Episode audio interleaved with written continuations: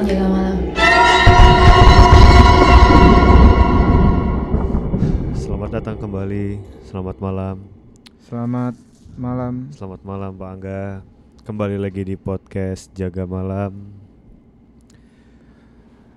Ya, seperti dugaan gua di episode sebelumnya bahwa Jaga Malam ini akan kembali lagi dipandu oleh gua, Pak Ade. Masih ketakutan.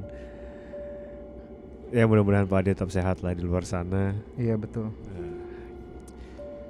Ah, kita belum dapat narasumber baru nih.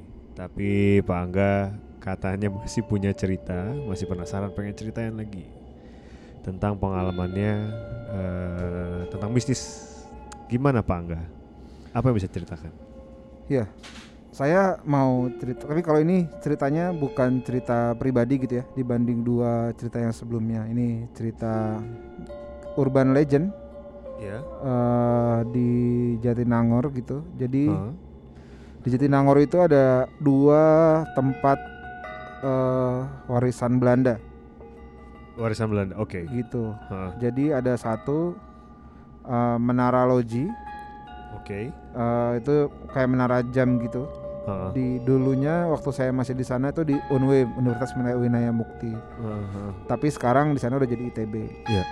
lalu yang kedua itu jembatan cincin Iya. eh, yang apa namanya dulunya dipakai buat jalur kereta Hmm. gitu nah di dua lokasi tersebut itu punya kisahnya masing-masing. Eh, ini bukan kisah misalnya saya dapat kisah ini dari teman-teman saya yang mengalami gitu ya Iya.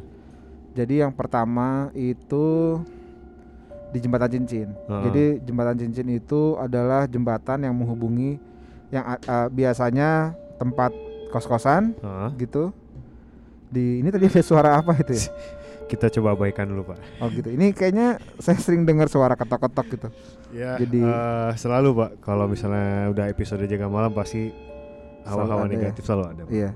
Nah, jadi eh, jembatan cincin itu eh kalau kita, maksudnya mahasiswa itu lewat gitu Oh, ya, Heeh. nggak masuk si- siapa pun lewat, itu biasanya nggak boleh di eh, setelah maghrib gitu, jam 7 jam 8 ke atas itu, Oke. karena itu sangat sepi sekali Hah, eh, dan memang cukup mistis gitu ya. Iya.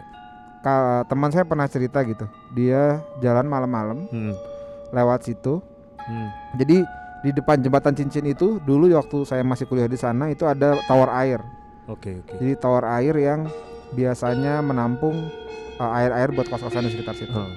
Hah, Jadi ketika dia jalan dari arah Cikuda eh, ke arah Cikuda ke arah saya lupa nama Cisalada kalau nggak salah ya.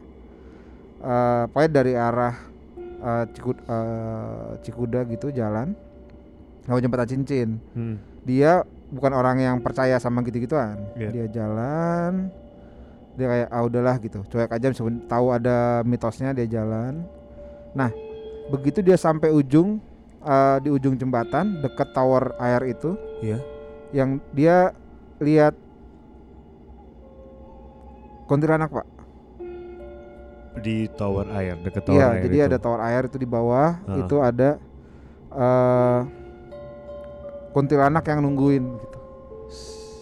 Oke, Jadi itu dia- itu sosoknya real gitu dia ngelihatnya gitu ya. Dia dia dia dia cuma lihat itu eh perempuan rambut panjang aja gitu. Hah, hah, hah. Perempuan rambut panjang lagi ngeliatin Ah. dia gitu. Oke oke oke. Nah, Itu posisi dia lagi bawa motor atau bawa nggak, jalan kaki karena Oh, itu jalan jembatannya kaki. kecil buat jalan Oh, kaki orang jalan kaki oke, aja oke. gitu.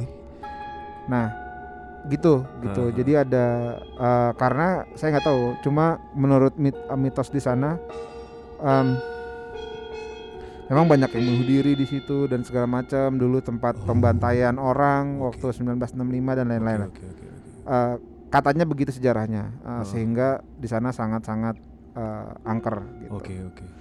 Itu satu jembatan cincin. Lalu yang kedua itu di Menara Loji Belanda itu. Benar loh Ji. Iya. Em, jadi mitosnya eh, suka banyak, suka ada eh, perempuan Belanda yang Hmm. Bermain dalam tanda kutip di sekitar menara. Di Menara Loji tadi ya. Mm-mm. Iya. oke. Jadi kalau misalnya ada orang naik motor malam-malam lewat situ, Iya. kalau misalnya dia nggak apa namanya nggak apa ya dia nggak konsentrasi gitu Ah, ah. kadang-kadang dia bisa lihat Oke. terus kadang-kadang eh, akhirnya jatuh dari motor Oh. nabrak pohon dan segala macam gitu Sampai ada kejadian begitu ya?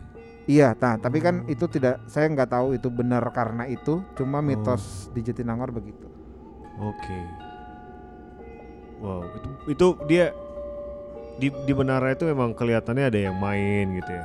iya Atau- ada ada berarti- ada cewek Belanda gitu Oke, noni Belanda itu dia tidak tidak hanya tidak hanya menunjukkan dirinya tapi dia juga ada semacam interaksi tapi antar sesama maksudnya nggak cuma satu nggak cuma satu makhluk kan artinya di situ mungkin tapi yang biasanya orang ceritakan itu ya dia lihat nen none Belanda itu lah ya lari segala macam. Kadang-kadang itu tadi mungkin kenapa dia bisa kecelakaan? Karena bisa none Belandanya loncat gitu gitu Oh, kaget ya. Kaget Oh. terus ya gitu. Soalnya ya karena itu bangunan Belanda ya. Maksudnya iya, bangunan iya, di iya. mana-mana kayaknya di Indonesia itu posisinya dia maksudnya menara itu tidak di tengah jalan kan maksudnya kayak bukan dia bukan dia di arah di arah di arah kawasan kampusnya gitu di dalam oh. tapi kalau dari jalan itu sangat kelihatan jelas sekali bahwa itu ada menara jam Oke. eh, zaman dulu lonceng gitu ya dulunya ada Oh, loncengnya di situ oh, gitu iya, iya, iya.